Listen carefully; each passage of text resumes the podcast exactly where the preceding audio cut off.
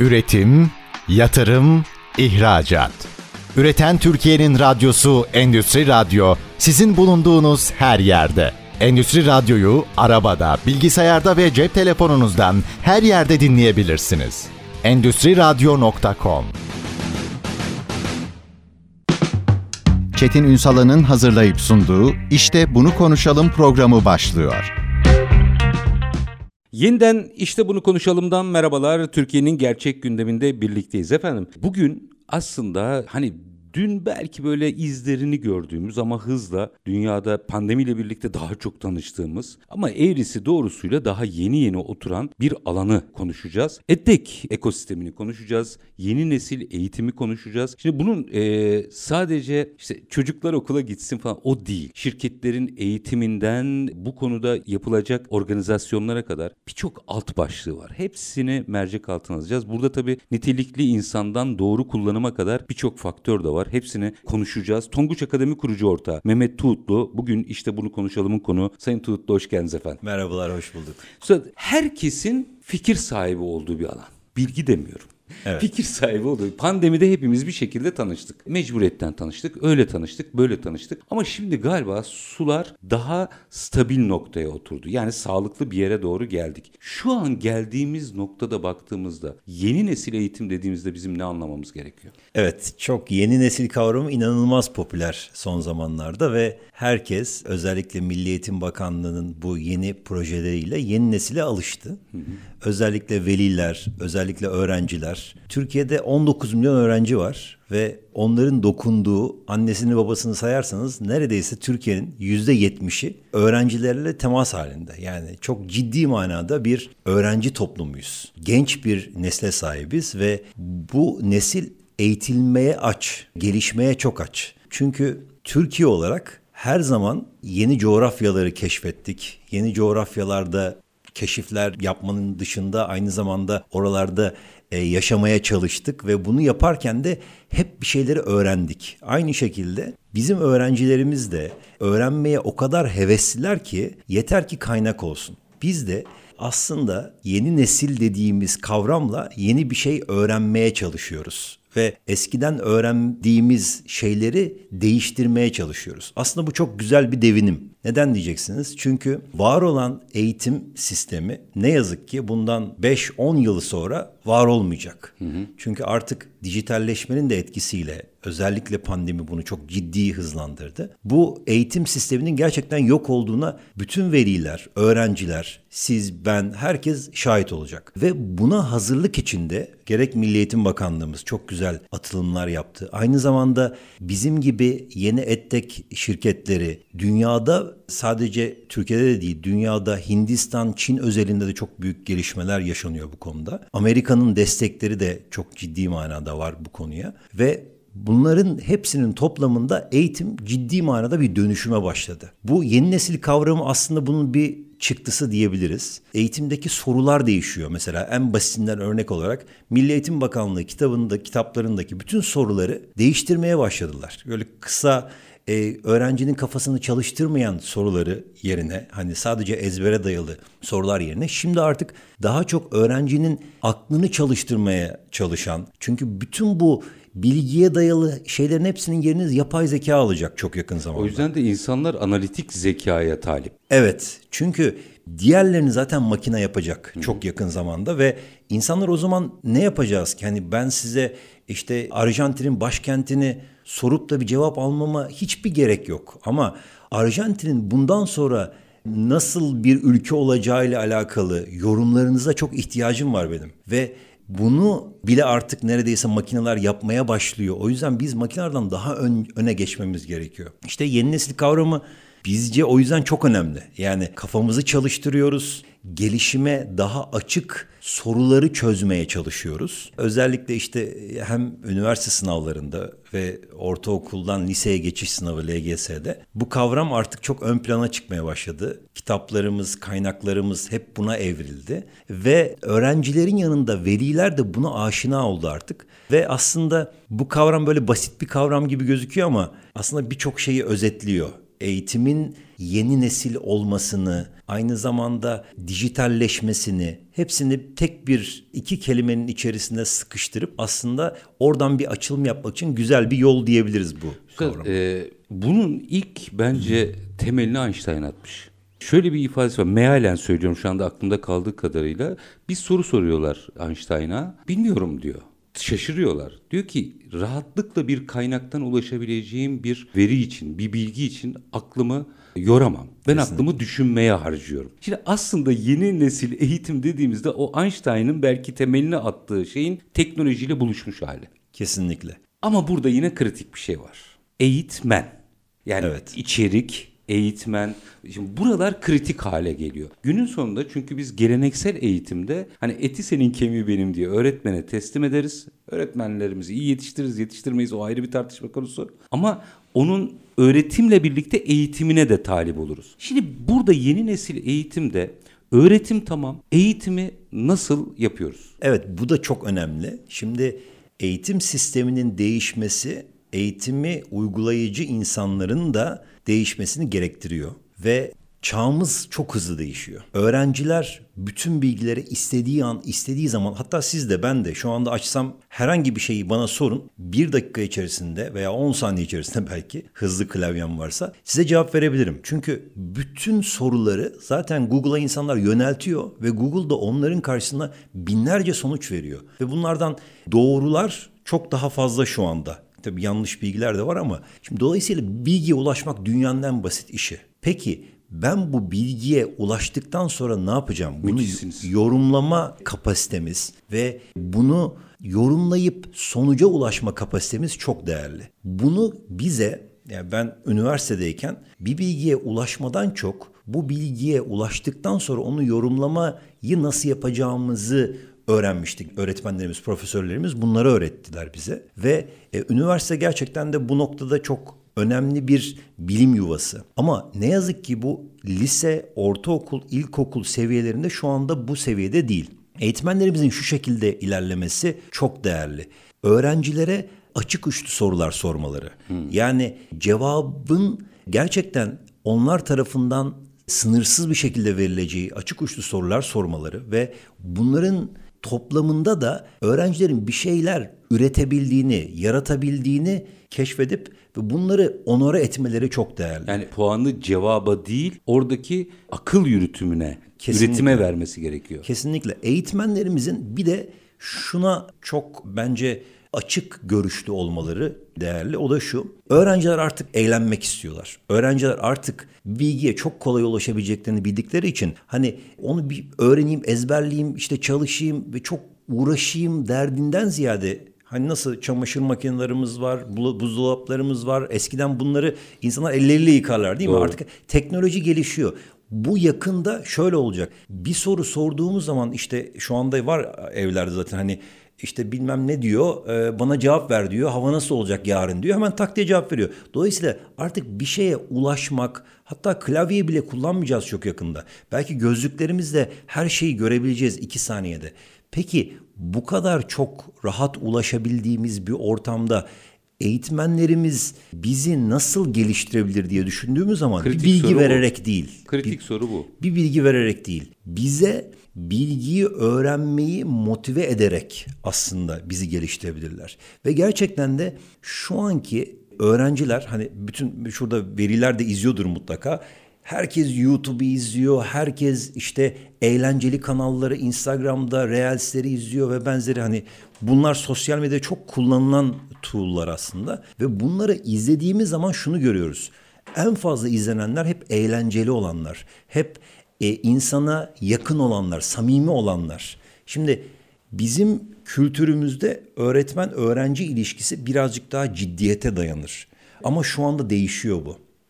Öğrenciler bu samimiyeti bekliyorlar. Hiyerarşi istemiyor yani. Yani mutlaka evimizde çocuğumuz varsa işte çocuğumuz ne yapıyordur? Mutlaka YouTube'dan bir şeyler izliyordur ve bu çocuklar izledikleri YouTuber'lar veya işte bunun gibi sosyal medya fenomenleri genellikle böyle çok samimi şeyler paylaşıyor. İşte şu çay bardağını işte içerken ağzı yanar. Ah ağzım yandı der ve milyonlarca izlenir. Yani Olduğu gibidir çünkü. Evet olduğu yani gerçekten doğalıdır bu. Ve bizim bu noktada aslında daha eğlenceli, daha samimi bir eğitim sistemine de ihtiyacımız var. İşte biz bu noktada aslında Tonguç Akademi olarak hani bunu yapmaya çok çalıştık. Biz Tonguç diye bir karakter çıkartıp ve bu karakterimizin aslında siz, ben veya işte e, Hasan Bey'in öğrenciliğindeki gibi ders çalışmayı çok sevmeyen, haylaz ama sürekli bir şeyler öğrenmek isteyen ama gerçekten de kendini burada ben eğitim için buradayım.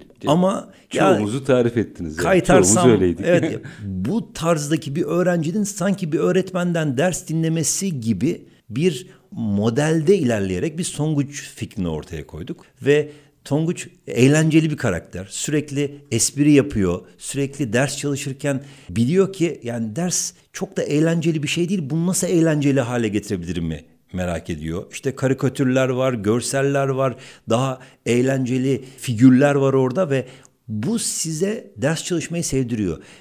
Tonguç Akademi'nin gerçekten de Türkiye'deki birçok öğrenciye dokunmasının en önemli sebebi bu. Ve şey merak ettim. Açacağım burayı çünkü oradaki metodolojiyi de merak ediyorum. Ee, ama bir, bir dakika sonra bir araya gideceğim ama bu sorunun yanıtı. İsmail Hakkı Tonguç'tan mı geliyor Tonguç? Hayır aslında Tonguç kelimesi çok tesadüf oldu. Biz kendi ufak dershanemizde, butik dershanemizde bu arada ben ve ortağım Talha ile beraber biz bu oluşumu kurduk. Normalde işte Boğaziçi Üniversitesi'nde üniversite arkadaşım Talha.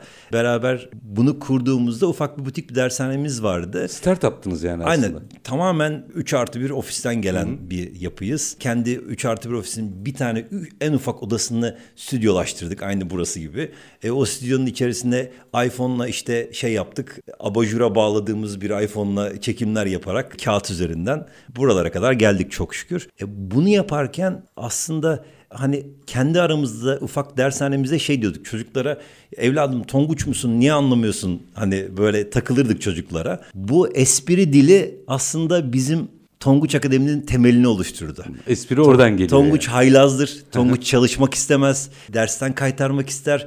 Ama buradadır ve eğitim almak için buradadır. Ve her öğrenci gibi bir şey daha öğrenmeye açtır. Hani o fikir aslında buraya evrildi. o Müthiş bir şey. espriden ortaya çıktı Bu diyebiliriz. arada yani isim de tabii efsane bir isim. O da çok sakıncası olmazdı öyle olsaydı. kesinlikle. Şimdi minik bir araya gideceğim. Aranın ardından e, bütün bu yeni nesil eğitimi konuşurken metodolojiyi de biraz açmak istiyorum. Çünkü bizim veli olarak bakın mesela endüstridekiler mesleki eğitim olarak baktığınızda herkesin bir takım ezberlerini bozması gerekiyor. Şimdi o metodolojiyi biraz anlayalım ki bizim hangi ezberleri bozmamız gerektiğini ve direnmememiz gerektiğinde. Çünkü en büyük tehlike biziz. Biz direnebiliriz veliler olarak. Orayı biraz açmak isterim ama minik bir aradan sonra. Efendim ara vereceğiz. Aranın ardından Tonguç Akademi kurucu ortağı Mehmet Tuğutlu'yla hem yeni nesil eğitimi hem de EdTech ekosistemini konuşacağız. Hani dünyada da bu iş nereye gidiyor onu da açacağız. Ama minik bir ara aranın ardından ne yapıyoruz? İşte bunu konuşalım diyoruz. Bizden ayrılmayın lütfen. Üretim, yatırım, ihracat. Üreten Türkiye'nin radyosu Endüstri Radyo sizin bulunduğunuz her yerde. Endüstri Radyo'yu arabada, bilgisayarda ve cep telefonunuzdan her yerde dinleyebilirsiniz. Endüstri Radyo.com Kısa bir aranın ardından işte bunu konuşalım demeye devam ediyoruz. Konuğumuz Tonguç Akademi kurucu ortağı Mehmet Tuğutlu. Yeni nesil eğitimi ve EdTech ekosistemini konuşuyoruz. Şimdi aslında çok güzel bir hikaye. Yani işin kuruluşunun da bir startup olması çok güzel bir hikaye. Sonra o metodolojiyi oluştururken ne yaptınız? Mesela o yolculuğu merak ediyorum ben. Gerçekten çok zor bir yolculuk. Onu baştan söyleyeyim. Özellikle bir şeyi sıfırdan bire getirmek dünyanın en zor işi. Ve bunu yaparken de belli prensiplerinizi korumanız gerekiyor. Şüphesiz. O prensipleri eğer birazcık esnetirseniz genellikle çökmeye mahkum kalıyorsunuz. Biz şunu modda edindik. İlk yaptığımız şey şuydu. Biz bir sosyal girişim olarak başladık bu işe. Ve gerçekten çocuklara faydalı olalım diye ilk 3 sene sıfır gelirle idare ettik ve bu bizi bayağı zorladı açıkçası. Tahmin hani ediyorum. e, yani yetişkin insanların bu seviyede 3 sene e, bu şekilde ilerlemesi çok zordu. Ama biz o kadar çok güzel yorum aldık ki öğrenciler o kadar eğitime aç ki Türkiye'de.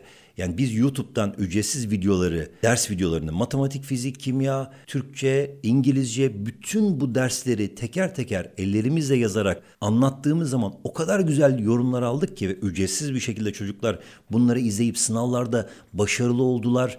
Hem ulusal sınavlarda hem yazılı sınavlarında bize o kadar güzel yorumlar attılar ki bazen hani canlı yayın yapıyorduk 50 bin kişi aynı anda katılıyordu. Türkiye'nin her yerinden 50 bin tane çocuk bir anda katılıp bizim matematik dersimizi izliyordu. Yani bu acayip bir durum.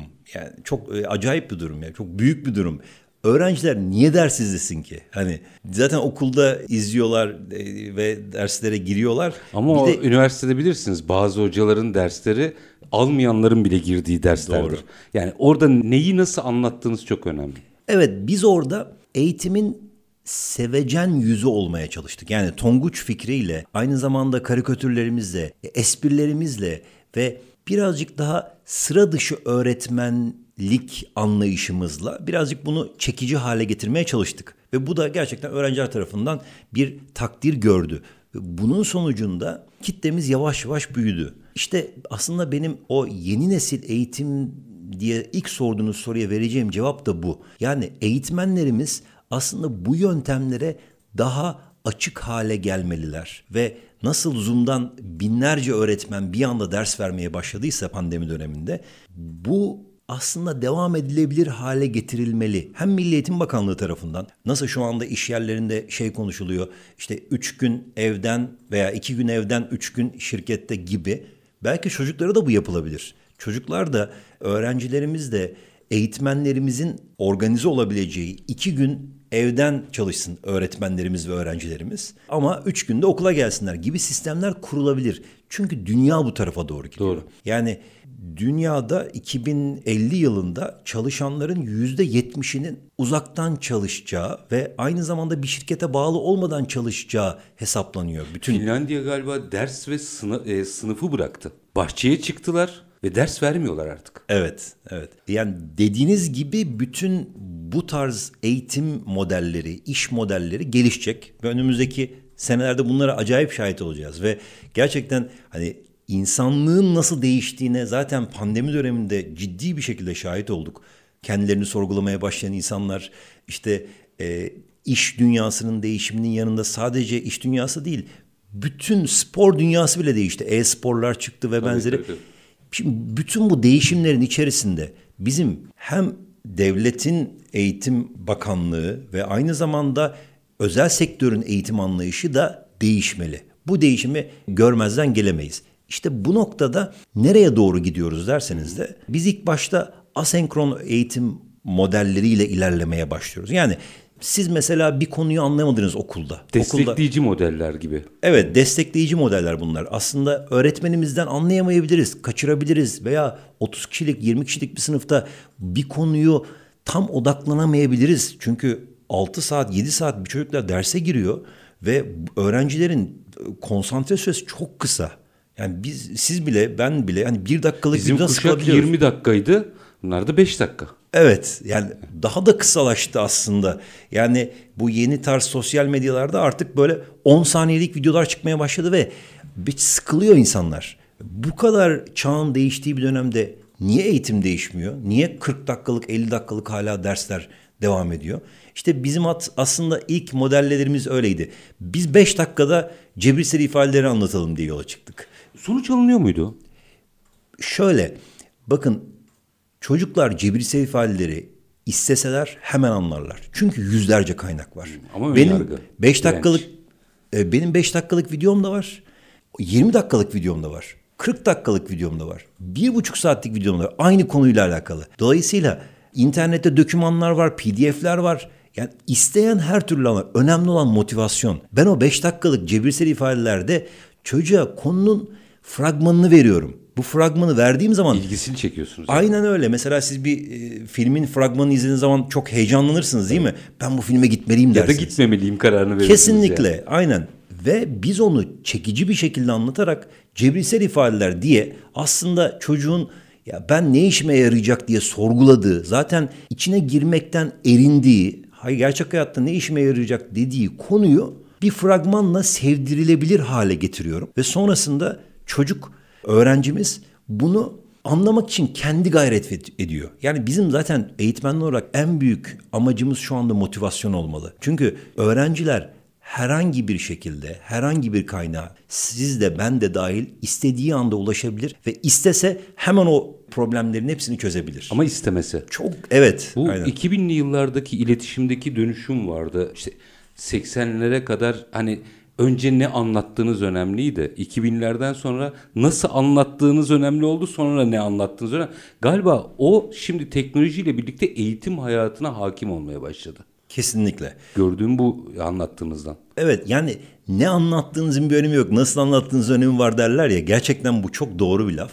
Çünkü bizim anlattığımız bütün her şey zaten internette sınırsız bir şekilde var. İnternet o kadar büyük ve devasa bir kaynak ki artık. Kitaplarımız var. Türkiye'de her sene 450 milyon kitap tüketiliyor. Ya bu çok büyük bir rakam ve bu kadar rakamın çok büyük bir kısmı da bu arada test kitapları, eğitim kitapları. Yani bunların yüzde 55'e yakınını aslında öğrenciler tüketiyor. Çocuklara, öğrencilerimize bu kadar çok kitap tükettirirken biz faydalı kaynaklar tükettirelim istiyoruz. Yani bizim öyle bir branşımız daha çocuklara, öğrencilerimize test kitapları da üretip bunları daha eğlenceli hale getirebiliriz şeklinde nasıl dijitalleştirebiliriz şeklinde çalışmalarımız da var.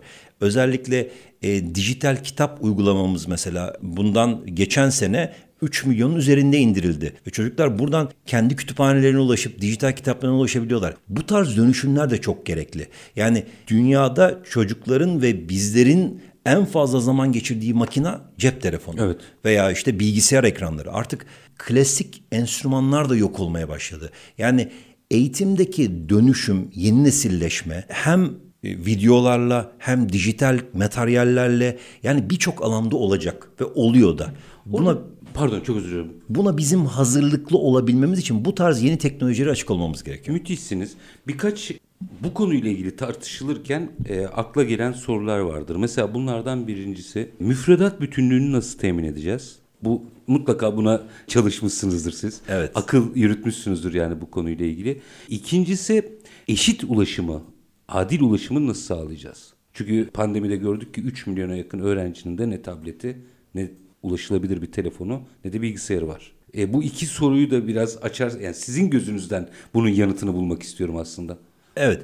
Burada e, müfredat bütünlüğü şu demek aslında. Milli Eğitim Bakanlığı'nın bir e, temel müfredatı var. İlk orta lise şeklinde ve her birisinde işlenmesi gereken konular sarmal eğitim modeliyle işleniyor. Yani, yani yine ilk, bakanlık belirliyor aslında. Yine bakanlık müfredat belirliyor. bütünlüğü var demek. Müfredat bütünlüğü Türkiye'de çok ciddi manada var. Şimdi müfredat bütünlüğünün olmadığı bazı ülkeler de var ve bu ülkeler gelişmiş ülkeler aslında. Yani Amerika'da işte Avrupa'da müfredat bütünlüğü çok yok. Şimdi model olarak Türkiye'de çok öğrencimiz olduğundan dolayı ve eliminasyon çok olduğundan dolayı müfredat bütünlüğünü zorunlu hale getirdik biz. Hı hı.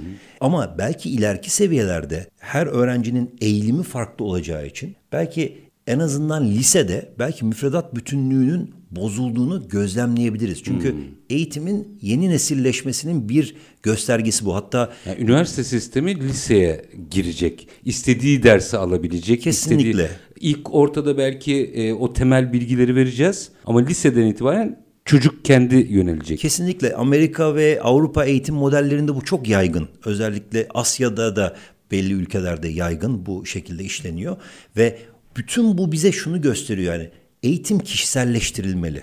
Yani senin ilgi alanınla benim ilgi alanım farklı. Niye bunları aynı kefenin içine koymaya çalışıyoruz ki?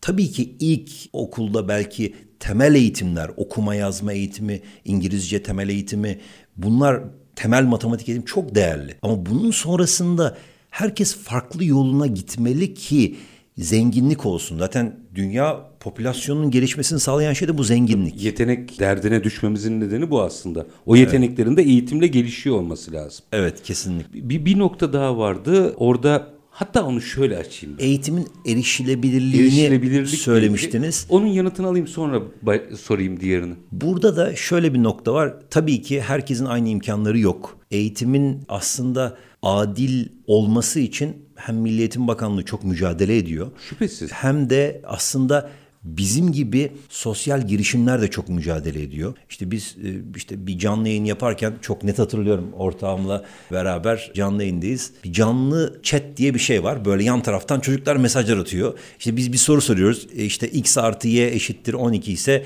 y eşittir 5 ise x kaçtır diye tak tak tak cevaplar geliyor. Böyle binlerce cevap o kadar hızlı geliyor ki. Ve çocuklar bu şeyden hani biz bunlara challenge diyoruz. Hani böyle müsabaka gibi. böyle Yarışmaya mücadele. Aynen. Oyun çocukları zaten bunlar. Bu işte bir oyunlaştırma. Hani eğitimde oyunlaştırma teknolojilerinden diyoruz Bu ya. o. Bu aslında çok klasik, basit, hiç teknoloji olmadan sadece insanla yapılan bir oyunlaştırma. Aynı bizim karikatürlerimiz gibi. Aslında eğitimde oyunlaştırma da çok önemli. Çünkü çocukları bakıyorsunuz oyun oynuyorlar. Sabahtan akşama kadar oyun oynuyorlar. Bıraksan 48 saat hiç bilgisayarın başından kalkmayacaklar. E bu şunu gösteriyor. Bu arada oyun oynamak da çok kötü bir şey değil. Beyni geliştirdiği ispat edilmiş Tabii bir tabii. şey. Yani. Tetris'in çıkış nedeni budur. Kesinlikle. Ee, uzak doğuda insanların verimi kafalar dinlensin diye. Kesinlikle hatta gelişsin diye de kafalar. Dolayısıyla biz öğrencileri bu noktada heyecanlandırarak o canlı chatler akarken bir şey şahit olduk çok enteresan. Çocuk dedi ki ya dedi dışarıda silah sesleri geliyor dedi ama ben burada sizin matematik dersinizde gerçekten çok mutluyum dedi. Orada doğuda bir e, öğrencimiz çok çok, duygulu bir olay. duygulu bir olay, Yani evet. çok böyle O e, çocuğu kazanmışız işte. onun gibi çok hikayemiz var ama yani bu mesela bizi çok etkilemişti. Canlı yayın da olmuştu. Bir anda bütün böyle bizim canlı yayın durdu falan hani çocuklar bir anda Yutkunuyorsunuz ister e, geçmiş olsun yorumları yazıyor. Birbirlerine destek oluyorlar. Yani bu çok heyecan verici bir şey. Bu eğitimin aslında eşit, adil olması. Çünkü çocuklar çok saflar. Çocuklar çok temizler. Yani birazcık daha yetişkin oldukça hani hem yalan oranı artıyor hem insanların e, kötülük seviyesi artıyor ama çocuklar o kadar temizler ki aklına geleni hemen söylüyorlar, doğruyu söylüyorlar ve bu bizim için aslında çok doğru bir bilgi, çok doğru bir yorum. Yani bu çocuk onu o kadar safi niyetle söylüyor ki. Dolayısıyla bu bizim için çok değerli. Bizim gibi sosyal girişimlerin, aynı zamanda Milli Eğitim Bakanlığı'nın verdiği hizmetlerin çok büyük önemi var. Altyapı hizmetlerinin çok büyük önemi var. Ama zannediyorum hani çok yakın bir zamanda zaten Türkiye'deki herkes dijital imkanlara, teknolojiye, internete, elektriğe çok rahat bir şekilde ulaşacak diye ümit ediyoruz ve eğitimin erişilebilirliğini bu şekilde sağlayacağız diye düşünüyoruz. Benim hayalimde şöyle bir şey var. Veri ekonomisi esas olacağı için zaten bu cep telefonu firmaları bence bedava verecek bu işleri. Evet. Çocuklar da ulaşabilecekler aslında veya tabletler vesaire vesaire. Öyle çalışmalar oldu bu arada pandemi döneminde Türk Telekom'un ve bazı markaların gerçekten de öğrencilere yönelik Zoom'dan işlenen dersler için ücretsiz internetleri oldu. Evet yani böyle böyle aslında ilerliyoruz. Şimdi bir kısa araya gideceğim. Aranın ardından şunu da merak ediyorum. Aslında ilk önce şunun yanıtını alayım. Karikatür meselesinin esprisini bir açmanızı rica edeceğim. Onun ardından da bu dünyada devasa bir sektör, eğitim sektörü. Şimdi bizim buradan ihracatçı da olabiliriz, model de ihraç edebiliriz gibi gibi. Orada neler yapılabilir onu da soracağım. Yani bu sadece bizim içimizde değil de mesela hatırlarsınız Almanya mesela dual sistemi bütün dünyaya ihraç etmiştir. Yapabilir miyiz? Var mı böyle bir imkan? Soracağım. Kısa bir ara aranın ardından Tonguç Akademi kurucu ortağı Mehmet Tuğutlu ile sohbetimiz devam edecek. Lütfen bizden ayrılmayın. Üretim, yatırım, ihracat. Üreten Türkiye'nin radyosu Endüstri Radyo sizin bulunduğunuz her yerde. Endüstri Radyo'yu arabada, bilgisayarda ve cep telefonunuzdan her yerde dinleyebilirsiniz. Endüstri Radyo.com Kısa bir aranın ardından işte bunu konuşalım devam ediyor efendim. Yeni nesil eğitimi konuşuyoruz. Tonguç Akademi kurucu ortağı Mehmet Tuğutlu bugün konuğumuz. Şimdi işin EdTech tarafına da ekosistem tarafına da geçeceğim ama önce birkaç merak ettiğim şey var. Karikatürün esprisini biraz açmanızı rica edeceğim. İkincisi burada mesela öğretmen yok. Görüntüde yok yani. Ellerimiz var. Yani evet evet yani öğretmen var fiziksel olarak ama görüntüde mesela bir öğretmen biz ne alışmışızdır? Tahtaya bir öğretmen geçer ders anlatır. Sonra bu sanal eğitim diyeceğim. Onu artık yeni nesil eğitimden bence ayırmak lazım onu. Sanal eğitimde de bunu gördük biz. Siz orada inovasyon yapmışsınız. Eller var ortada sürekli. Evet. Bunun esprisini biraz merak ediyorum. Bir gizem var. Hatta şimdi sevgili dinleyiciler e, bizim e, muhtemelen Endüstri Radyo'nun paylaşımlarında görmüşsünüzdür. Fotoğraf dahi yok. Çünkü böyle bir prensipleri var. Almak isterim bunu. Evet şimdi burada aslında temel yaklaşım şu. Biz bir şey öğreneceksek ona odaklanmamız gerekiyor. Biz bu projemize, Tonguç Akademi projemize başlarken aslında daha önceden normal, klasik ders veren ve aynı zamanda öğretmenlik yapan iki arkadaştık. Ve sonrasında dedik ki bunu dijitale taşıyalım. Dijitale taşıyalım derken biz bunu farklı bir yöntemle yapalım arayışına girdik ve dünyadaki örneklerini çok ciddi manada yaklaşık 6 aylık bir süreç boyunca inceledik. Ve şöyle bir sonuca vardık. Öğrencileri de tanıyoruz. Ergenlik dönemindeki çocukların nasıl yaklaşıma sahip olduğunu da biliyoruz. E kendimiz de öğrenci olduk. Ya öğretmenimizin e, bazen hani kılığına, kıyafetine, tipine bakıp işte ya ben bu dersi sevmedim diyebiliyorduk. Çünkü ergenlik döneminde insanlar genellikle öğrenciler genellikle çok fazla fiziksel özelliklere dikkat ederler. Biz Uçlara ki, giderler hem de. Aynen hatta yani ufacık tırnağı e, işte e, uzun olsa e, şey yapabilirler hani dersten soğuyabilirler veya çok rol model olabilir kendisine dersi çok sevebilir öğrenci. Biz bütün bu şeylerden arınalım ve sadece derse odaklanalım ve zaten ergenlik döneminde fiziksel özellikler öğretmenlerin görüntüsü ve benzeri çok etkileyici veya negatif etkileyici olabildiği için öğrenciler üzerine bundan arınıp sadece derse odaklanalım mı düşünerek kameramızı abajurun tepesine bağladık. iPhone hatta o da. iPhone ilk 3, cep telefonu iPhone diyelim. 5 ile başlamıştık galiba. Cep o zaman diyelim, cep telefonu. Bunu bağladıktan sonra sadece kağıda döndürdük kameramızı ve ellerimizi soktuk o kameranın altına. Espri böyle başladı. Yani. Evet yani bir kağıda bir kağıdın üzerine kendi prezentasyonumuz aslında bu. Hani kendi ders anlatımımızı önden yazdık ve sonra kalemimizle boşlukları doldurduk. Hızlı bir şekilde 5 dakikanın içinde bu konuyu nasıl anlatabiliriz? Eğlenceli nasıl olabiliriz diye çok kafamızı yorduk. Sadece tabii 5 dakikalık değil 10 dakikalık 15 dakikalık bazen 1 saatlik derslerimiz de oldu. Bazen 7 saatlik dersimiz de oldu bu arada. Hani versiyon versiyon. Ortaokul LGS sınavından önce Oturduk sabahleyin e, 2'de akşam 9'da dersi bitirdik. Canlı ders yaptık. 20 bin, 30 bin, 40 bin kişi katılıyor aynı anda dersimize. Müthiş. Bazen 100 bin kişi de olduğu oldu. Ve hani YouTube'dan bizi aradılar, tebrik ettiler, nasıl trendlere girdik ve benzeri birçok safa atlattık. Ve şunu gördük. Öğrenci gerçekten oraya bilgi almaya geliyor ve o sizin anlatımınıza şahit olmaya ve öğrenmeye geliyor aslında. Dolayısıyla sadece öğrenmeye odaklandığı şeye konsantre olsun. Ama sıkılıyor öğrenci de. Sıkıldığı için de birazcık da eğlensin. O karikatürleri o yüzden esprisi de o. Oradaki bir gülen surat çizince hani siz mesaja böyle bir o mesajı yumuşatır Fark ya. Eder, evet. Yani çok ciddi bir etkiye sahiptir o. Mesela bir ciddi bir şey atarsın ama altına gülen surat atarsın. Hemen aa tamam yani bu samimi bir adam der hani karşıdaki. Aynı onun gibi biz orada bir gülen surat çizdik. Hatta Tonguç karikatürümüz de oradan çıktı ortaya.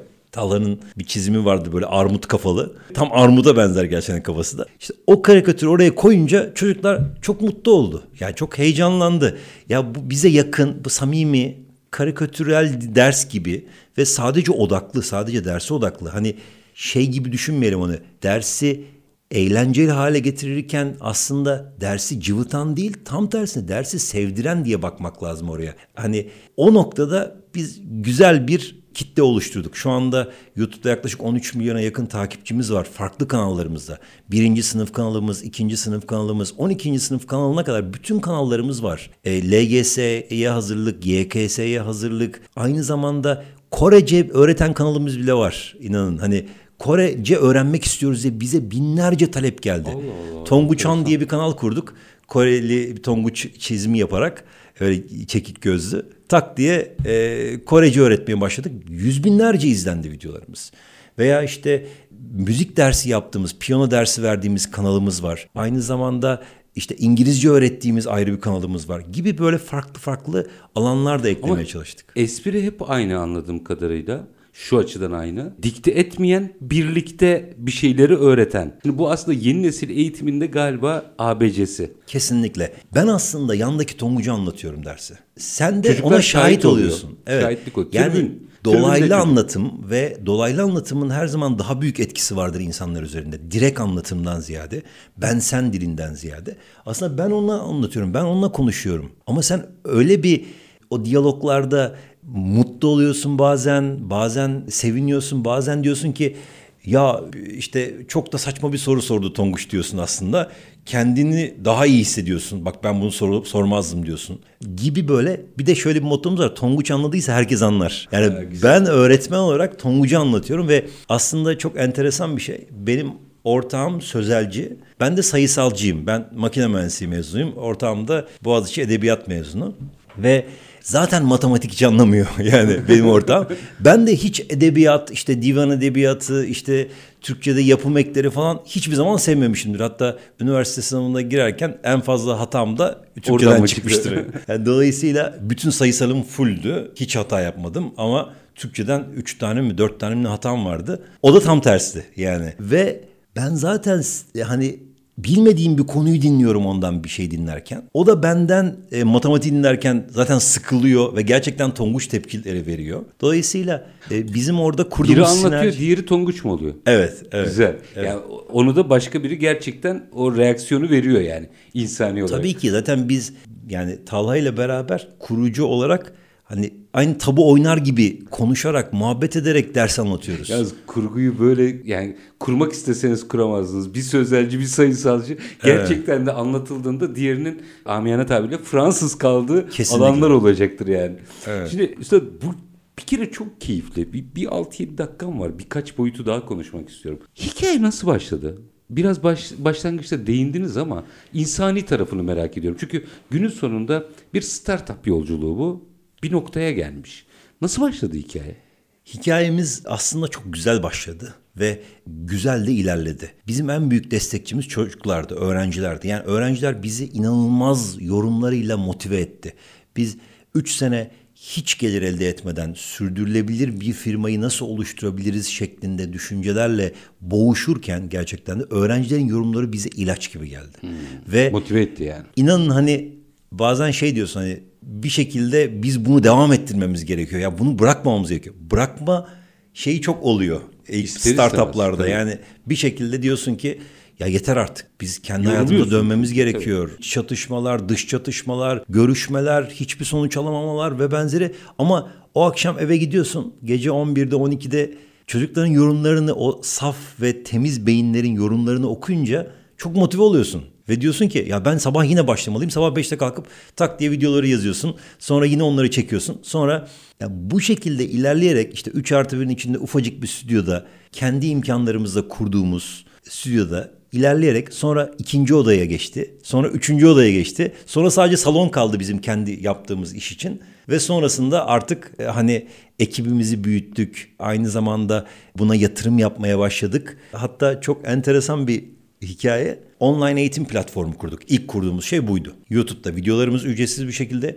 bir de web sitemizde online eğitim platformu kurduk. Kurduğumuz zaman işte Almanya'dan 4-5 tane server kiraladık falan filan.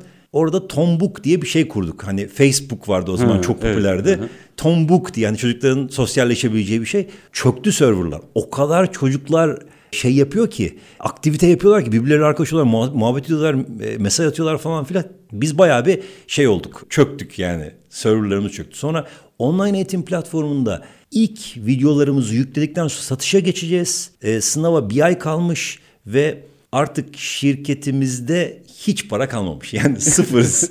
ve bin bakın 1350 lira para, paramız var. Banka hesabımızda şirketin resmi banka hesabında ve artık 2016'dayız. 2016-2017 eğitim sezonundayız. Son paramızı şeye verdik. E, Mesafeli satış sözleşmesi vardır. Onu bir avukatla anlaşmıştık. 1270 lira oraya yatırdık. O verdiğimiz paradan sonra o akşam online eğitim platformumuzu satışa açtık. Ve diyoruz ki yani Haziran, Temmuz, Ağustos ölü sezon. Hiç satış olmaz. Yani ve biz nasıl yaşayacağız? Ve gerçekten bir ayın içerisinde işte E, bir miktar para yaptık, bir miktar para kazanabildik. Artık ama son kurşunlarımız da onlar. Ve bütün yazı geçirebildik ve gerçekten böyle derin bir nefes alarak o zorlukların içerisinden yani o artık son 70 lira 80 lira kalmış hesapta oradan sonra Kırılma olmuş. biz büyük dönemler badireleri atlattık ama sonuçta çok güzel oldu. Ama Neden? kolay değil değil mi bu işler? Dışarıdan şimdi şimdi başardıktan sonra bunları anlatmak çok kolay da. Kesinlikle yaşamak dışarıdan sadece değil. bir A3 kağıdı gözüküyor. Yani sizin gördüğünüz ekranda sadece bir A3 kağıdı ve eller. Ama arka tarafta 200'e yakın insan çalışıyor ve bu 9 tane stüdyonun içerisinde her gün yüzler, her gün onlarca video üretiliyor. Ayda 500'e yakın video üretiliyor ve özellikle pandemi döneminde TRT EBA'da biz evden çıkma yasağı vardı biliyorsunuz. Ofise çekyatlar aldık. Orada yatarız diye. Konserveler koyduk falan filan. Battaniyeler koyduk. Orada kalırız diye gerçekten de. Ve oturup sabahtan akşama kadar video çekiyorduk. Ben bir canlı yayından çıkıp diğerine arada 10 saniye olacak şekilde geçerek yaklaşık 9 tane canlı yayını arka arkaya yapıyordum. O kadar büyük bir talep vardı ki o pandemi döneminde. Ve sonrasında TRT EBA'da çıkmaya başladık. Hafta sonları tamamen Tonguç Akademi vardı. Bu da çok gurur verici bir şey bizim için. Bunu yaparken dediğim gibi çok zor dönemlerden geçerek sonra tabii biz online eğitim platformumuzu kurduktan sonra ve orada Tonguç Plus e, fikrinin oluşturulması, tonguçakademi.com'da bunun ürünleştirilmesi, oradaki bütün içeriklerin en güzel şekilde oluşturulması, şu anda hatta yeni bir dershane, online dershane gibi bir moda geçtik ve LGS dershanesini kurduk. İnşallah yakında YKS dershanesi de kurulacak üniversite sınavı için. Ve bunların yanında bir de dedik ki ya eğitimde bir alan daha var ve çok büyük bir alan. Eğitim materyalleri, Türkiye'de satılan kitapların yüzde 55'i eğitim kitapları, test kitapları. Ve bunlar çok sıkıcı. Yani test kitapları yani hani şey hani alsanız elinize Hepimiz çözdük yani. Aynı sorular Malum. klasik klasik ve öğrenciler mutlu olmuyor. Biz dedik ki bunu bunu da değiştirelim be. Buraya da Aslında bir girelim. iş modeli sürekli kendini getiriyor. İyi ki diyor musunuz? O 70 lirada. Tabii ki, tabii ki. E, demez miyiz? Yani aslında o zorluk bize bunları getirdi. Yani oradaki e, burnumuzun sürtmesi bunları getirdi diyebiliriz. 70 lira. Aynen. Çok güzel bir e, öykü gerçekten. Süren bitti ama 1-2 dakikada şunun yanıtını alacağım. Sevgili Hakan'dan 1-2 dakikada rica ediyorum. Sarkacağım biraz yayını. Günün sonunda eğitim sektörü devasa bir sektör. Bugünün itibariyle yani konvansiyonel eğitimde baktığımızda işte üniversiteler şunlar bunlar bütün dünya rekabet ediyor falan filan. Şimdi işin içine teknoloji girdi ve başka bir format. Herkesin eğitim sistemi farklı olabilir ama teknolojisini dünyaya ihraç etmek mümkün müdür? Onu da merak ediyorum. Öyle veda edeyim bu sorunun yanıtıyla. Evet aslında çok güzel bir soru çünkü eğitim aslında lokal bir şey. Yani içerik olarak baktığımız zaman ben Türkçe içerik anlatıyorum ve Türkçe olarak bunu öğrenciler dinliyor ve anlıyor. Ama biz bunu globale açmak istersek daha çok İngilizce'de ve aynı zamanda içeriksel olarak matematik gibi hani terimlerin kavramların daha az olduğu yerlerde ilerlemek gerekiyor. Ama bunun bir de teknoloji ayağı var. Yani EdTech dediğimiz alan var. K- kritik nokta zaten. Eğitimde içerik çok ön planda ama şu anda. EdTech firmaları şu anda aslında içerik firmaları. Çoğunluğu yani para kazandığı kısım ve endüstrisini geliştirdiği kısım aslında içerikte ön Hemfikirim. plana çıkıyor. İçerik bize. Ama gitsin başkası da o teknolojiyi satın alsın kendi içeriğini oluştursun. Evet Mümkün mü bu? Kesinlikle mümkün. Zaten biz bunu şu anda kurduğumuz Tonguç Works ekosistemiyle oluşturmaya çalışıyoruz. Atılımı yapılmış yani. Tonguç Akademi, Tonguç Dijital ve Tonguç Yayıncılık şeklinde üç tane aslında eğitimin dokunduğu bütün alanları Tonguç Works ekosisteminin içerisinde bunun altındaki bütün teknolojilerle birleştirerek oluşturmaya çalıştığımız yer burası. Yani öğrenciler sadece video izlemiyor. Dijital kitapta çözüyorlar. Aynı zamanda esprili e, kısa shorts videolar da izleyip oradan bir şey öğreniyorlar ve bütün bu alanlarda olan birlikteliği sağlarsak yani bir eğitim ekosistemi kurarsak ve bunu bir hem oyunlaştırmayla bizim yaptığımız bu karikatürler ve benzeri oyunlaştırmayla birleştirirsek ve bunu dünyada farklı pazarlarda deneyebilirsek ki biz şu anda Özbekistan'da bir çalışmalarımız var. Ee, Türkiye Cumhuriyetler bizim en yakın olduğumuz Lisan'da cumhuriyetler. müsait. Aynı zamanda e, işte Amerika'daki eğitim modellerini takip edip ki EdTech firmaları orada çok fazla. Aynı zamanda Hindistan'daki eğitim modellerini takip edip, Güney Kore'deki eğitim modellerini takip edip ki dünyada en güçlü olanlar bunlar aslında. Çin de en kuvvetliydi ama regülasyonlardan dolayı bayağı bir orası sarsıldı.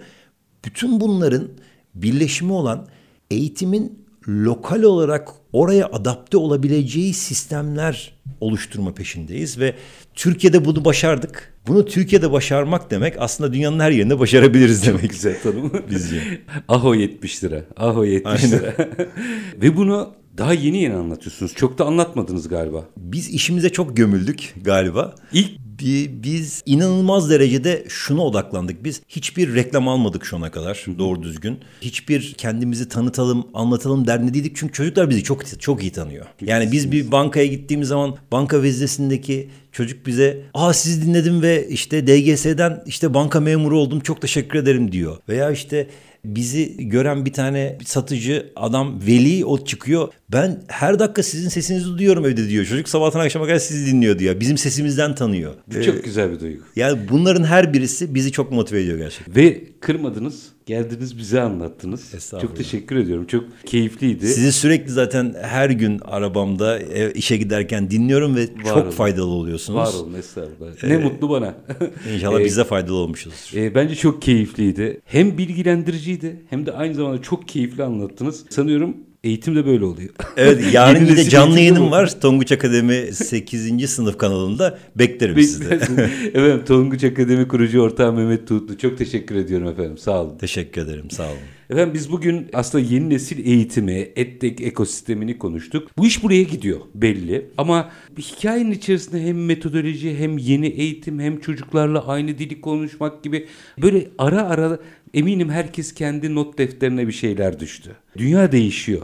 Bizim de çocukların diline uyum sağlamamız gerekiyor. Çünkü onlara bir şey öğretmemiz gerekiyor. Öğretmek değil, öğrenmeyi öğretmemiz gerekiyor. Gerisi kolay diyor Sayın Tuğutlu. Efendim biz her zamanki gibi bitirelim. İşinizi konuşun, işinizle konuşun. Sonra gelin işte bunu konuşalım. Hoşçakalın efendim.